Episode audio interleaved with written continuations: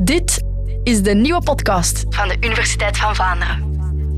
Met Sven Spijbroek en Koen Filet. Deze aflevering past in een reeks van tien over het verhaal van Vlaanderen. Het tv-programma met Tom Waas, dat je trouwens nog altijd kan bekijken op VRT Max. Hoe is de Gulden Sporenslag zo beroemd geworden? Dat is de vraag van vandaag. We zijn in het verhaal van Vlaanderen uh, aanbeland bij 1302. Hè? De Gulden Sporenslag. Er is de hele aflevering lang veel over gezegd. Beroemde Vlaamse datum. Het is de, de Vlaamse feestdag ook. Uh, dat komt, Koen, dat weet jij, door het boek van Conscience. Hè? Ja, ja, ja. De Leeuw van Vlaanderen heeft hij geschreven. Kevin Absilis zit bij ons, professor Absilis van de Universiteit Antwerpen.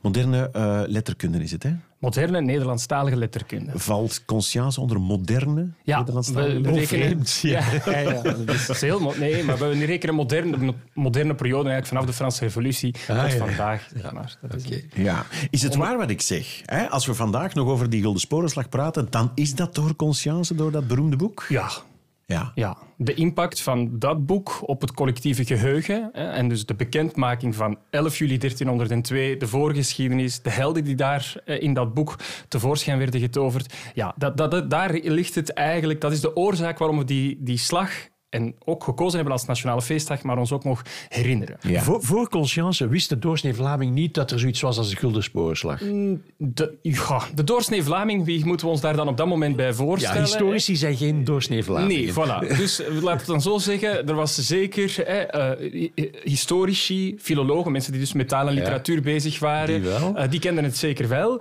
ook kunstenaars, want er werden ook al schilderijen over gemaakt ah, in die tijd. Ja, er werden, ah, het was ook trouwens niet alleen bij Nederlandstaligen bekend, maar ook bij de Franstalige gemeenschap in België, die ah, ook al naar die Gulden Sporenslag teruggrepen als een soort van voorloper van iets dat voor de Belgische vaderlandse geschiedenis relevant kon zijn. Dus de toe-eigening. Wacht, van... wacht, wacht, wacht. Die, die, die Franstalige, herinneren die zich als die keer toen we op ons bakkes hebben gekregen van die Vlamingen? nee, nee, nee, nee. Die identificeert zich ook met het graafschap Vlaanderen. Ah, ja. ja dat, dus het graafschap Vlaanderen, hè, dus nu ongeveer samenvalt met Frans-Vlaanderen, West-Vlaanderen, Oost-Vlaanderen, stuk van Zeeuwsland. Dus dat historische graafschap werd in de 19e eeuw door verschillende culturen, door verschillende politieke uh, groepen toegeëigend. Hè, als een soort van ja, voorloper van wie ze op dat ogenblik wilden zijn. en dus je had dat op, zowel op het Belgische niveau als op het ja, Vlaamse niveau. Trouwens, die twee stonden ook niet in die mate diametraal tegenover elkaar, zoals dat soms vandaag wel het geval kan zijn. Ja. Conscience dacht en vond en wilde met zijn boek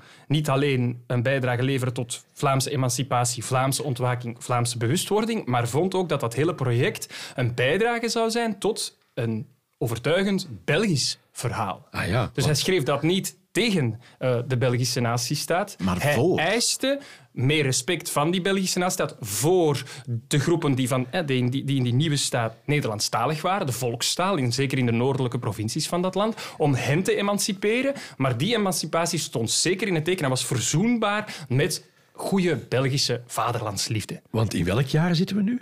De roman verschijnt in 1838. Dus op België... 31 december trouwens. Ah ja, dus België bestaat acht jaar. Uh, ja. En moet ja. zichzelf nog zetten. Ja, en is op zoek naar verhalen uit het verleden van zie eens wat wij Belgen toen gedaan hebben. En het was niet Vlamingen tegen Walen. Nee, nee, het was Belgen tegen Nederlanders en tegen Fransen die ons bedreigen of zoiets in die strekking. Uh, ja, goh, hè, de geschiedenis kun je maar zover manipuleren hè, tot, tot het volstrekt ongeloofwaardig wordt. Dus je zat natuurlijk wel met een, een strijd tussen uh, de aanhangers van de graaf van Vlaanderen, het historische graafschap, en natuurlijk ja, de vijand sprak wel Frans. Hè. Het was de Franse koning ja. en, en zijn leger. Hè. Dus het was, dat is natuurlijk uh, complex, om zo maar te zeggen. Maar ja, die nieuwe Belgische staat, Um, die on, uh, dus uh, 1830, 1831 ontstaat. Die emancipeert zich uit Nederland. Hè, want ja, ontstaat ja. na afscheiding van het Verenigd Koninkrijk der Nederlanden. Uh, en ze moet zich daar ja. uh, tegen affirmeren. Wij zijn, geen Nederlanders. wij zijn geen Nederlands, maar ja. terzelfde tijd was Frankrijk op dat ogenblik ah, nog altijd de, de grote nazistaat in Europa, met het verleden, in het heel recente verleden nog de nederlaag van uh, Napoleon hè, en de, de, de, expansie na de Franse Revolutie. Dus als er één grootmacht was die um, nogal wat bezitsdrang had, hè, dan was het Frankrijk. Dus tegenover dat die. Franse staat moest België zich ook kunnen affirmeren. Nog, even, ik ga dat nog even expliciet maken. Dus België bestond acht jaar. Het verslaan van Napoleon, dat was 1815. Hè? Dat, was Ja. nog, dat was twintig jaar geleden. Ja, hè. ja. Dat is dus echt allemaal nog Ja, vlakbij. ja, de vader van Hendrik Conscience had Ja. dienst genomen in het leger van eh, Napoleon Bonaparte. En dat was ook de reden waarom hij in België terecht was gekomen. Nou ja. Wauw, dus de Leeuw van Vlaanderen is een, een soort van Belgische propaganda. Maar ja, goh, dus niet in de eerste plaats. Hè, dus, eh, heel interessant bijvoorbeeld is het voorwoord. Het, het authentieke voorwoord dat Hendrik Conscience in 1838 schrijft. Nadien wordt dat een beetje te controversieel gevonden. En dus dat gaat er al vrij snel terug uit. Maar daarin wordt... eh, wel, dit is de historisch-kritische uitgave die eh, in 2002 is, is eh, gemaakt. Ik en daar staat het een oorspronkelijke... Kloefer omschrijven. Ja, ja, dat dat nu is op mijn tafel Dat, ligt. is ook- dat was het ook in, eh, in de eerste druk, want er waren drie dikke delen. Ja. In drie Dus, delen? Ja, in drie Ah, delen. ja, wauw. Ja. Ehm, En dus daar het voorwoord van, daar is iets... ja, dat is interessant. Hè? Dus da- daar zie je hoe hij eh, positie probeert. Dus dat, dat gaat niet over 1302, maar dat gaat eigenlijk over het België uit zijn tijd. Het België van de jaren 1830, zoals het toen vorm krijgt. En daar zie je dat hij... Ah, kom, hij- le- lees eens een stukje voor. Wat, wat zegt hij daarover? Goh, eh, ja, wacht, dan moet ik zieken naar... Ja, naar- naar- het, zit, het zit vol post-it notes. Ja, het zijn er heel ja, veel. Mm. Begint eigenlijk al wel geweldig. Hè? Wanneer men met een zucht naar vaderlandse roem de kronijken doorbladert, komt een aandoening van spijt en schaamte ons treffen bij de overtuiging dat wij onze vaderen zo weinig gelijken. Zij roemden op de naam van Vlaming als op de grootste eretitel, welke hun kon toegevoegd worden, en dankte God dat het hem beliefd had hen op die heldenbodem te laten geboren worden. Ja, Oh. ja. En dus, dus het gaat hier over het vaderland. Er wordt dan wel heel sterk ingezet op het, het graafschap Vlaanderen. Maar dat wordt eigenlijk toch ook min of meer... Dat wordt eh, een soort van eh, verhaalstof en een soort van eh, model in de eerste plaats wel om die Nederlandstalige gemeenschap in dat nieuwe België te emanciperen, opnieuw wakker te schudden. Ja. Ehm, is dat anti-Belgisch? Nee, maar het is wel kritisch voor dat nieuwe België zoals het Ah ja, gestalte ook in dat voorwoord. Ja, ja ook, ook in dat voorwoord. Hè. Bijvoorbeeld, interessant is eigenlijk al dat hij hè, ehm, eh, er wel van uitgaat, Hendrik Conscience, dat er in de, die nieuwe staat België twee onderscheidene volken wonen. Hè, die onder dezelfde scepter, met dezelfde wetten, hè, worden bestuurd. Ja? Maar dat vindt hij geen probleem. hè. Hij vindt dat prima, want zoals ook die Franstalige Belgen vonden, die twee culturen die samenkomen in dat min of meer kleine landje dat zich nu had gevormd tussen Nederland en Frankrijk, was de unieke identiteit Ah, ja. was precies dat het zat op een, ja, het, het snijvlak tussen de Romaanse en Germaanse culturen. En dat maakte die Belgische staat zo interessant en ha- ha- had dus haar eigen bestaansreden. Maar er is wel iets mis met dat België zoals het vorm krijgt. Ja? En dat ligt niet aan de koning, Leopold I, hè, want daar neemt hij trouwens, hè, hij neemt het ook nog op voor de koning, waar schrijft hij het op een bepaald ogenblik hier. Men merke hier aan dat ik door staatsbestuur Geenszins de doorluchtige persoon zijner majesteit de koning versta. Reeds menigmaal heeft onze vorst betoond dat het hem meer behaagt over een volk dat zich eerbiedigt dan over een wijfelende natie te heersen.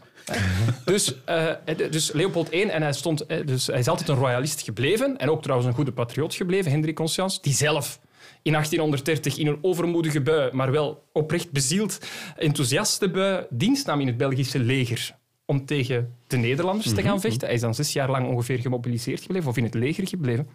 Dus aan zijn vaderlandsliefde hè, kon, kon niet niet worden getwijfeld. Ja. En hij, had het ook, hij stond op goede voet bij die, bij die nieuwe koning. En dat heeft hij eigenlijk ook altijd blijven onderhouden. Maar het, staatsbestuur, sorry, het staatsbestuur viseert hij hier dus wel in. Hij ge- geeft aan dat, zeker in de noordelijke provincies, waar eh, de overgrote meerderheid van het volk alleen het Nederlands machtig is, of, of een Vlaams dialect, het Nederduits. Er circuleren toen nog verschillende namen voor. En, dus, eh, en die mensen, dat, dat deel eh, van, van het Belgische volk, ja, ondervindt nadeel van hoe die nieuwe staat ja, eh, haar openbare ruimte aan het inrichten was. Hè, Zeg dus- maar, als hij zo'n dingen in, in die inleiding zegt, dan is hij al op dat moment met politiek bezig. Hè? het, is, Oh ja. het is niet zomaar iemand die een roman schrijft. Nee, nee, nee, nee. nee. nee. Ja. Eh, Conscience en het feit dat hij boeken schrijft en zo, eh, dat gaat geen landbouwer geweest zijn. Hè? Ik zou verwachten, iemand met zo'n naam, dat is Franstalige bourgeoisie. Nee, nee, nee. nee. Wel, de Franstaligheid heeft u juist geraden. Ja. Hè? Dus hij is de zoon eigenlijk van een... eh, ja, Fra- Franse militair. Maar ja, eh, militair ook niet echt eh, uit vrije wil. Hè, dus die dienst had genomen onder, onder eh, Bonaparte. En op die manier uiteindelijk in uh, ja, de zuidelijke Nederlanden, want van België was op dat ogenblik nog geen sprake. Hè. Conscience zelf, Henri Conscience, Hendrik Conscience, wordt in 1812 geboren. Dat is dus nog voor Waterloo. Hè. Um, ik denk dat zijn familie is oorspronkelijk afkomstig, dus langs de kant van zijn vader, uit Besançon. Ja. Uh, maar was dat, dat was zeker geen bourgeoisie. Hè. Dat was ja, lagere middenklasse. En die vader was wel heel zelfredzaam. Maar die, dus was, die... die was van Frans origine. Nog ineens Franstalig, maar ja. Frans. Maar ja, in 1812 ben je eigenlijk een onderdaan van Frankrijk op dat ogenblik in Antwerpen. Ja, ja, ja. Dus dat, is, dat, ah, ja, vergeten we. Dat is waar. Ja, hè, dus, wij, waren, dus zo waren, dat eigenlijk. Wij, waren wij, onze voorvaderen, voilà, waren allemaal waren, Maar goed, in dit geval was hij wel afkomstig uit ook dat gedeelte dat vandaag nog echt Frankrijk is. Ja, ja, ja. Zijn moeder was, was een lokale... Oké, maar waar haalt hij dan in zijn hoofd om te denken, ik ga voor de Vlaamse emancipatie schrijven? Ja, eigenlijk, eigenlijk, als ik het nu ik zou je nu heel zelfbewust en heel duidelijk antwoord op kunnen geven. En daar zijn zeker argumenten te verzinnen. Maar eigenlijk stiekem of heimelijk vind ik dat nog altijd een van de grootste raadsels uit de Vlaamse cultuur- en literatuurgeschiedenis. Dat is geen gemakkelijke vraag. Het is precies daarvoor dat we u hebben uitgenodigd. ja, ja. En nu zegt u, wij wetenschappers, we weten het niet helemaal. Maar, kijk, er zijn een heleboel argumenten uh, uh, voor, voor te geven. E een van de grote... Uh, ja, natuurlijk... De kindertijd van Henri Conscience, we weten daar wel een en ander over. Hij heeft daar ook zelf over geschreven. Hè. Maar hoe dat... Ja, bedoel, het is niet dat we te veel aan bronnen hebben om te begrijpen hoe hij precies is opgegroeid en welke taal bijvoorbeeld al, om te beginnen de taal was waarmee hij nu het meest werd geconfronteerd. Eigenlijk heb je op dat ogenblik... Ja, thuis was dat Frans, dat is duidelijk. Bij de vader, ja. Maar die moeder was uh, Nederlandstalig en sprak ah, wellicht een, een Kempens dialect of een Antwerps dialect. Okay. Ja? Uh, met die moeder zal hij in ieder geval veel meer contact hebben gehad, want die vader was uithuizig, die was veel aan het uh, allerlei... ja, echt zo'n man van, hoe heet dat, 13 stielen en 12 ongelukken? Of is het 13 ja, ongelukken en 12 stielen? 12 stielen, 13 ongelukken. Voilà, kijk, zoiets. Maar je, je weet in ieder geval... Dat is aan een Nederlandicus vragen. ja, dan moet je iemand anders uitnodigen. nee, maar je weet wat ik bedoel. Maar dus de vraag is, als, ik, als de kleine Henri op straat speelde, in welke taal was dat ja, dan? Dat was dan wellicht een Antwerps dialect, ja, de volkstaal. En wellicht zal dat toch een beetje de taal zijn geweest waar hij dan uiteindelijk de meeste emotionele identificatie Zijn mee had. moedertaal. Ja, want het is ook gewoon al op zich een half mirakel dat iemand met zijn achtergrond überhaupt in staat is om een boek van de... Ja, wij vinden dat vandaag misschien niet meer complex, maar voor die tijd is het een ongelooflijk complex, ah, rijk, dik werk ongelooflijk geresearched, hè, met allerlei bronnen enzovoort, voor iemand die eigenlijk nauwelijks naar school was geweest. Is heel... Hij is wel naar school geweest, heeft wat lagere school, heeft thuis ook wel wat, uh, uh, wat meegekregen enzovoort. Maar dat is niet ah, iemand hè, die, die... Dat is geen haute bourgeoisie die nee, nee, nee, nee. een hele literaire opleiding heeft gehad? Volstrekt niet. Okay. En um, eh, dus ja, en, en dan is het, het interessant om te weten dat hij, dus als hij in het Belgisch leger in dienst neemt, dan zit hij natuurlijk in een context waarin hij, uh, ja, het Frans wel weer een dominante taal wordt. Hè. Zeker als het gaat over het officier en zo, waar hij niet toe behoort. Hè. Uh, en als hij op dat ogenblik, in die periode 1830 tot 1836, aan het schrijven is, dan probeert hij dat wel in het Frans te doen. Of dan doet hij dat wel in het Frans. Als dichter begint hij dan gedichten te schrijven in de stijl van Lamartine en Victor Hugo enzovoort. Een aantal Franse modellen. En dat marcheert niet geweldig goed? ja, nee, dat is in ieder geval geen groot succes in die zin dat het niet origineel is of dat hij daar geen eigen stem in ontdekt enzovoort. Um, en dan beslist hij op een bepaald moment van, ik ga het eens in het Nederlands proberen? Ja, ja. En, dat is heel interessant, want hij heeft daar zelf... Wat Is het meteen prijs? Nee, het is, dus dat, hij heeft dat heel mooi beschreven in zijn jeugd jeugdherinneringen. Uh, geschiedenis mijner jeugd, de, volledige versie daarvan is pas eigenlijk na zijn dood verschenen. Dat is een mhm. prachtig boek. Ehm, eh, waarin hij zelf ook, hij gaat tot, tot aan dat romandebuut, en dat is niet de Lee van Vlaanderen trouwens, dat is In het Wonderjaar, een roman die verschijnt in 1837. En ja, het is wel zijn debuut in het Nederlands, zou je kunnen zeggen. Dit is zijn grote Nederlandstalige debuut. En in zijn jeugdherinneringen zegt hij zelf nog, ja, ik, ik wilde dan hè, van die poëzie weg en ik wilde een roman gaan schrijven, een historische roman. En ik zat erop te zoeken. Hij had ook een aantal bronnen geconsulteerd. En hij ging dat in het Frans doen. En hij beschrijft in zijn uh, memoires hoe hij vruchteloos zit te zwoegen op die openingszin en dat hij daar ja, uren, uren, uren mee in de weer is en dat hij eigenlijk op het punt staat om het op te geven en zegt van, Henri, je kunt geen roman schrijven, hè, geef het op, ga iets anders doen. Zijn vader was trouwens ook niet zo geporteerd voor de literatuur, dus hij werd nu ook niet echt aangemoedigd thuis. En dan zegt hij in zijn memoires, uh, en toen ging ik het eens proberen in het Nederlands. en warempel. En dan krijg je echt een soort van epifanie, hè, waarin de pen, de ganzenveer, als het De ware over, over, zonlicht. het, over het papier glijdt en een openingszin hè, met een welluidendheid eh, die, die eruit vloeit. En, en dan is het als het ware alsof die roman in één geut op het papier Ja. komt te staan en hij zijn ware roeping heeft gevonden. Maar in zijn jeugdherinneringen zegt hij dus niks over... Ik ga het Nederlands schrijven daar en daar. Wel, buiten dat het Het is wel duidelijk is. natuurlijk dat hij, dat hij goh, misschien zelfs al in zijn legertijd begint te voelen van de, de manier waarop eh, de, die Franstalige bovenlaag zich positioneert in een land hè, waarin de overgrote meerderheid, ook als je totaal van de bevolking bekijkt, Nederlandstalig was en geen Frans kon. Hè, dat, dat, ja, dat dat een beetje vloekt met je rechtvaardigheidsgevoel. Dat is niet zo heel erg moeilijk om voor te stellen.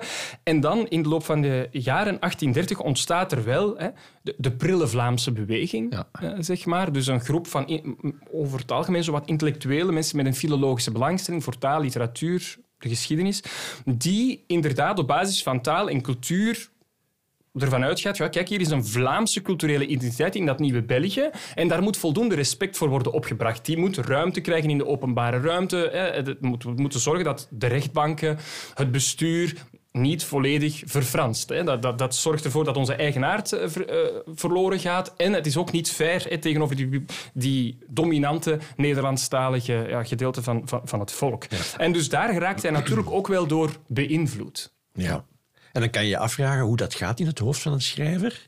Begint dat met die boodschap die hij wil uitdragen en gaat hij daar dan een, een thema bij zoeken en dan komt hij bij 1302 terecht? Of is het omgekeerd gegaan? Heeft die, die gulden spoorslag, daar wil ik over schrijven. Oh ja, en dat past in dat Vlaamse Nederlandstalige verhaal. Het zal de twee zijn. Het zal de twee zijn. Het is eh, natuurlijk... eh, wat we zeker niet mogen denken is dat die 1302 volstrekt onbenullig was eh, en dat het dankzij conscience is dat we die slag herinneren. Het is, het is heel uitvoerig zijn daar middeleeuwse bronnen over Ja. beschikbaar. Ah, ja. Niet alleen uh, Nederlandstalig, ook Franstalig. En er is in heel Europa in die tijd zelf over geschreven. Dus dat ging Dat heel was Europa een rond. verhaal dat Ah, ja, Dat was een deed. groot en dat was een belangrijk. Hè, dat was een militaire nederlaag voor de Franse koning. Dat was ongezien op dat moment. Voetvolk tegenover hè, een professioneel ridderleger. Ja, ja, ja. Dus er zijn heel veel bronnen toen al over. Hè. Ah, ik vind en dat wel is jammer. altijd wel... Eerlijk gezegd. Ik had het veel romantischer gevonden. ja, maar dan is het natuurlijk wel eh, geleidelijk aan wat meer in de vergetelheid Ja. eh, gezakt. En dan zie je in de 18e eeuw al wel links en rechts, ook in eh, volkse tradities enzovoort, dat er naar die slag wordt gerefereerd, dat Pieter de Koning en zelfs Jan Breidel, wiens aandeel in de slag eigenlijk niet zo helder is op basis van die oude bronnen, maar dat daar toch allerlei al verhalen over ontstaan. Ah ja, dus het is niet zo dat Conscience dat helemaal heruitvindt, maar hij haalt het wel voorgoed van onder het stof Ja. en zet het dan wel, wel naar zijn hand. Wacht, die Jan Breidel, daar moeten we het over hebben. Hè? Want in het verhaal van Vlaanderen zit hij niet. Hè? Die wordt niet verteld. Er Nee, wordt alleen wordt over Pieter de Koning iets gezegd. Ja. Waarom is dat? Wel, wellicht heeft men ervoor gekozen om zo dicht mogelijk bij wat er gebeurd is in 1302 te blijven. Ja? En niet wat. Conscience verzonnen heeft. Ze hebben Ja. niet Conscience verfilmd. Nee. Nee, Ze hebben- nee, nee, dat was al eerder gebeurd. Wil dat zeggen dat Conscience Jan Breidel verzonnen heeft als een soort literair personage? Eh, wel, nee. Hè. Ook rond Breidel deden al allerlei verhalen de ronde. En het is niet zo dat, dat er geen Jan Breidels geattesteerd zijn in de historische bronnen. Ah. Er zijn zelfs meerdere Jan Breidels. En het is niet altijd even precies duidelijk welke Hoeveel Jan Breidel... zijn beenhouwer? Ja, ja, er is een Jan Breidel die bijvoorbeeld wel vlees heeft geleverd aan de troepen op de vooravond van 1302, enfin 11 juli enzovoort. hè. Dus dat soort van dingen wel, maar dat zijn kleine, kleine sprokkeltjes in die bronnen. hè. Terwijl over de Pieter de Koning, eh, Willem van Gulik en een aantal andere figuren die wel historisch heel belangrijk zijn geweest in de aanloop naar de slag, tijdens de slag, daar zijn we zeker van. hè. En Breidel is echt zo iemand ja, die, die als een soort van bijfiguur wel alles heeft dat genoemd, maar aangedikt, geef het Conscience gewoon heeft... toe. Ja, ja, dat wel. Ja. Conscience is e- echt hè, de, de geestelijke vader van Breidel, zoals wij hem ons vandaag herinneren. Een zeer gespierde, knappe, atletische man met heel veel eh seksappeal. Ja, met een grote En- bijl Maar ook heel die dapper. Franstalige ridders doodslaat. Voilà. Ja. Dat is een Ja. roman. Een- en, en ook een, een, eenvou- Ja. een eenvoudige Vlaming die trouw zweert aan zijn eigen aard. Want op een bepaald ogenblik wordt Breidel samen met Pieter de Koning geridderd. Als, in, in de roman, hè? niet in de echte. Oké. En, en hij eh, eh, vindt dat natuurlijk wel chic enzovoort, maar hij krijgt dan een harnas en een zwaard en dat gooit hij dan meteen weg. En dan zegt hij, maar ik ga in blote bast en met mijn bijl vechten. Hè? Zoals een, hè, dat, Oh. Ja. dat idee van de Vlaming die niet naast zijn schoenen gaat lopen. Ja. Voilà, dat soort van ding, dat vind je dus allemaal bij Hendrik Conscience. En hij maakt van Jan Breidel echt een echte figuur zoals we hem vandaag herinneren. Was meteen een bestseller? Bah, kijk, hoeveel mensen konden er op dat ogenblik Nederlands lezen in Vlaanderen en konden het zich permitteren om een boek te kopen? De vraag stellen is ze beantwoorden. Voilà, heel weinig. Hè? Dus in de context van de toenmalige Vlaamse literatuur was dit een boek dat er echt toe deed. Hè. Daar werd over geschreven, dat werd aangekondigd, Ja, dat was een wel. gebeurtenis. Dat stond in de maar gazet. natuurlijk, ja, maar natuurlijk in, zeer, in die kleine kring van die prille Vlaamse beweging, die intellectuelen enzovoort. Was dat meteen een volkssucces? Ah nee, dat, dat volk kon overwegend niet lezen. Laat staan dat het de financiële middelen had om een boek te kopen, dat dan ook nog eens drie delen besloeg enzovoort. Ja, en de mensen die, die de financiële middelen wel hebben, die zijn Franstalig, ook in Vlaanderen, voor een ja. groot gedeelte. Maar zij kon, ja, sommigen konden natuurlijk wel, waren natuurlijk ook tweetalig. Hè? Dus sommige mensen die zich Ja. in de openbare ruimte in het Frans uitdrukten, Ja. zouden dit boek wel hebben Ja, kunnen ja, lezen. maar die Franstalige bourgeoisie kon daar net zo goed, heeft u gezegd, een pro-Belgisch boek inzien. Dus Ja. dat was op zich geen probleem. Ja. Nee. Maar ze moeten het wel kunnen lezen in Ja. het Nederlands. Ja. Nu, natuurlijk, in, dus het voorwoord maakte wel duidelijk dat hier fundamentele kritiek werd geleverd Ja, op die. Belgische staat. Hè. Dat mogen we niet, kun je niet zomaar onder de mat vegen. Ook. Dus het was wel duidelijk een vingerwijzing. En hoe is dat gebeurd dat, dat ik dat boek ken? Dat ik als kind daar opstellen heb over geschreven Wel, kijk, op dus school? was het een grote bestseller in het begin? Nee, maar het bleef wel hangen. Hè. Het had een grote impact. Vrij snel worden er bijvoorbeeld theaterbewerkingen van gemaakt. En daar kunnen natuurlijk ook ongeletterde of nauwelijks geletterde mensen Mhm. wel degelijk hun gading vinden. Dat, het, daar werden, hè, dat werd ook in de publieke ruimte gehuldigd. Het heeft wel een tijdje geduurd, hè, maar het standbeeld van Pieter de Koning, Breidel, dat zijn wel de jaren 1870, hè, maar dan wordt er een standbeeld van gemaakt. Je krijgt volksoptochten waarin dit soort van gebeurtenissen worden herinnerd, hè, parades door de straten. Dus je had niet alleen het boek, maar je had al de merchandising Ja. rond, Ja, zouden we ja, het vandaag modern eh, ik, denk, benoemen. ik denk dat mijn grootvader in Kortrijk nog als kunstenaar van alles geschilderd heeft om, om, om praalwagens te ontwerpen voor soort stoeten waarin dat, dat soort tafereelen werden uitgebeeld. Dus dat houdt het boek ook eh, levendig en dat houdt die materie Ja? kneedbaar. Dus op die manier is dat Ja, en natuurlijk, geleidelijk aan verschijnen daar herdrukken van. Leren meer en meer mensen krijgen deftiger onderwijs. Het Nederlands manifesteert zich beter als een taal in de publieke ruimte enzovoort. En dan wordt teruggegrepen naar dat, eh, naar dat boek. Hè. Ja, ik, Is het nog leesbaar vandaag? Ik vind van wel. Ja, als, ik vind als van je zo'n wel. stukjes voorleest, vind ik het vooral heel grappig eigenlijk. Ja, maar het is hè, zo, ja, voor van, de lezer van vandaag wordt het dan een beetje een acquired taste. Hè. Je moet je even terug wennen aan een aantal... bedoelt vroeten? Ja. Ja. Nee, nee, nee. Het is eigenlijk... voor gevorderden. Nee, nee, nee. Oké, ik vind eigenlijk dat hij die... Kijk, heel veel van de zogenaamde onleesbaarheid rond conscience is ook in het leven geroepen vanwege het feit dat hij die foute reputatie had en we wilden eigenlijk helemaal niks aardigs meer zeggen over die man. Ik zei er net eigenlijk al dat het een half mirakel is dat iemand vanuit zijn positie zo weinig op, opleiding eigenlijk dit uiveren bij elkaar heeft geschreven. Hè? Want hij heeft meer dan 70 romans geschreven. En overigens heeft hij zich ook wel als auteur... Hij moest dat met nog onder de knie krijgen. Dit is de tweede roman die hij schrijft. Hij heeft nog heel veel andere romans geschreven. En moet wel zien, je ziet wel progressie. Hè? Zowel in het uitbouwen van een verhaal als de diepgang van de Ah ja, personages. dat- als er progressie is en dat is zijn tweede roman, Ja. dan is die dus niet zo geweldig goed eigenlijk. Ik vind, ja, puur literair Ja. hè, zou je kunnen zeggen, hij heeft sterkere romans geschreven. Je hebt ook allerlei culturele conventies die wij vandaag ontwend zijn. Heel typisch voor bijna het hele uiveren van Conscience, maar zeker ook voor de Leeuw van Vlaanderen, is dat er heel wat in wordt afgehuild. Helden, ook de mannen en ook de, de Leeuw van Vlaanderen, ook de... Ook, de, Koning, ook, ja, maar ook de macho's. Huilen hè, wordt er volop in gedaan. Ja. En, eh, ja, en dus dit is interessant. Dit is een eh heruitgave van de roman, maar ook een drastische bewerking van taalstijl, maar ook van inhoud, die na de Tweede Wereldoorlog verschijnt. En de eh, man die daarvoor verantwoordelijk was, die schrijft er ook een korte verantwoording. Hij zegt van, ja, die taal dat is toch niet meer wat we vandaag gewoon zijn. Maar hij zegt ook, niet enkel de taal werd nagezien, ook al te langdradige passussen werden ingekort en vooral werd de overweldigende tranenvloed, die van de eerste tot de laatste bladzijde ononderbroken doorheen gans het boek stroomt, enigermate ingedijkt. Hè? Dus, dus hij is al bijna even omslachtig als Conscience zelf. Maar, maar die tranen, die hebben betekenis. Maar, maar dus al dat emotionele geblet van Jan Breidel en Pieter de Koning en Tutti Quanti is er werd nadien hier, weggecensureerd. Hier, hier weggecensureerd, Ja. omdat het geen pas meer geven vond. Wat was de functie dan? terwijl, terwijl Conscience schrijft in de eerste helft van dat boek in ieder geval, eerste helft van de 19e eeuw. En toen had je wel meer conventies in de literatuur die wij van, ja, eigenlijk als literatuurhistoricus sentimentalistisch kunnen noemen. Ja, vandaag sentiment, dat klinkt heel negatief, want dat is overdreven tranerigheid, excessieve gevoeligheid enzovoort. Maar dat is eigenlijk een heel aparte poëtica, dus kunstopvatting, eh, waarin die tranen allerlei extra betekenissen en dimensies hadden. En huilen, ook voor mannen toen, betekende eigenlijk dat je eh, een empathisch iemand was met een moreel kompas. Je kon je inleven in het leed van de ander en dat moest je aanschouwelijk maken door ook zelf niet alleen te zeggen van ik ben daar droevig om, maar om met je hele lichaam daarop te reageren. Een eerlijke, oprechte man huilt bij het zien van onrecht of Va- verdriet. bijvoorbeeld. Ja. Ja. hè? En dus die tranen hebben eigenlijk toen hebben die een culturele eh, betekenis. Bovendien is het heel, de hele idee over mannelijkheid ook anders. Wij associëren dat idee van mannelijkheid. Als ik leef van Vlaanderen, dat gaat allemaal over patsers. En vier- maar dat Ah, ja? is niet. hè. En daarom is het ook zonde om die tranen weg te halen. Dat zijn eigenlijk... De, het hele man-vrouwbeeld bij Conscience is eigenlijk verrassend geraffineerd. Je ziet eigenlijk, en niet alleen bij de Leeuw van Vlaanderen, maar zeker ook in latere teksten, dat een goed staatsman, dus een goed leider, in een historische roman of in een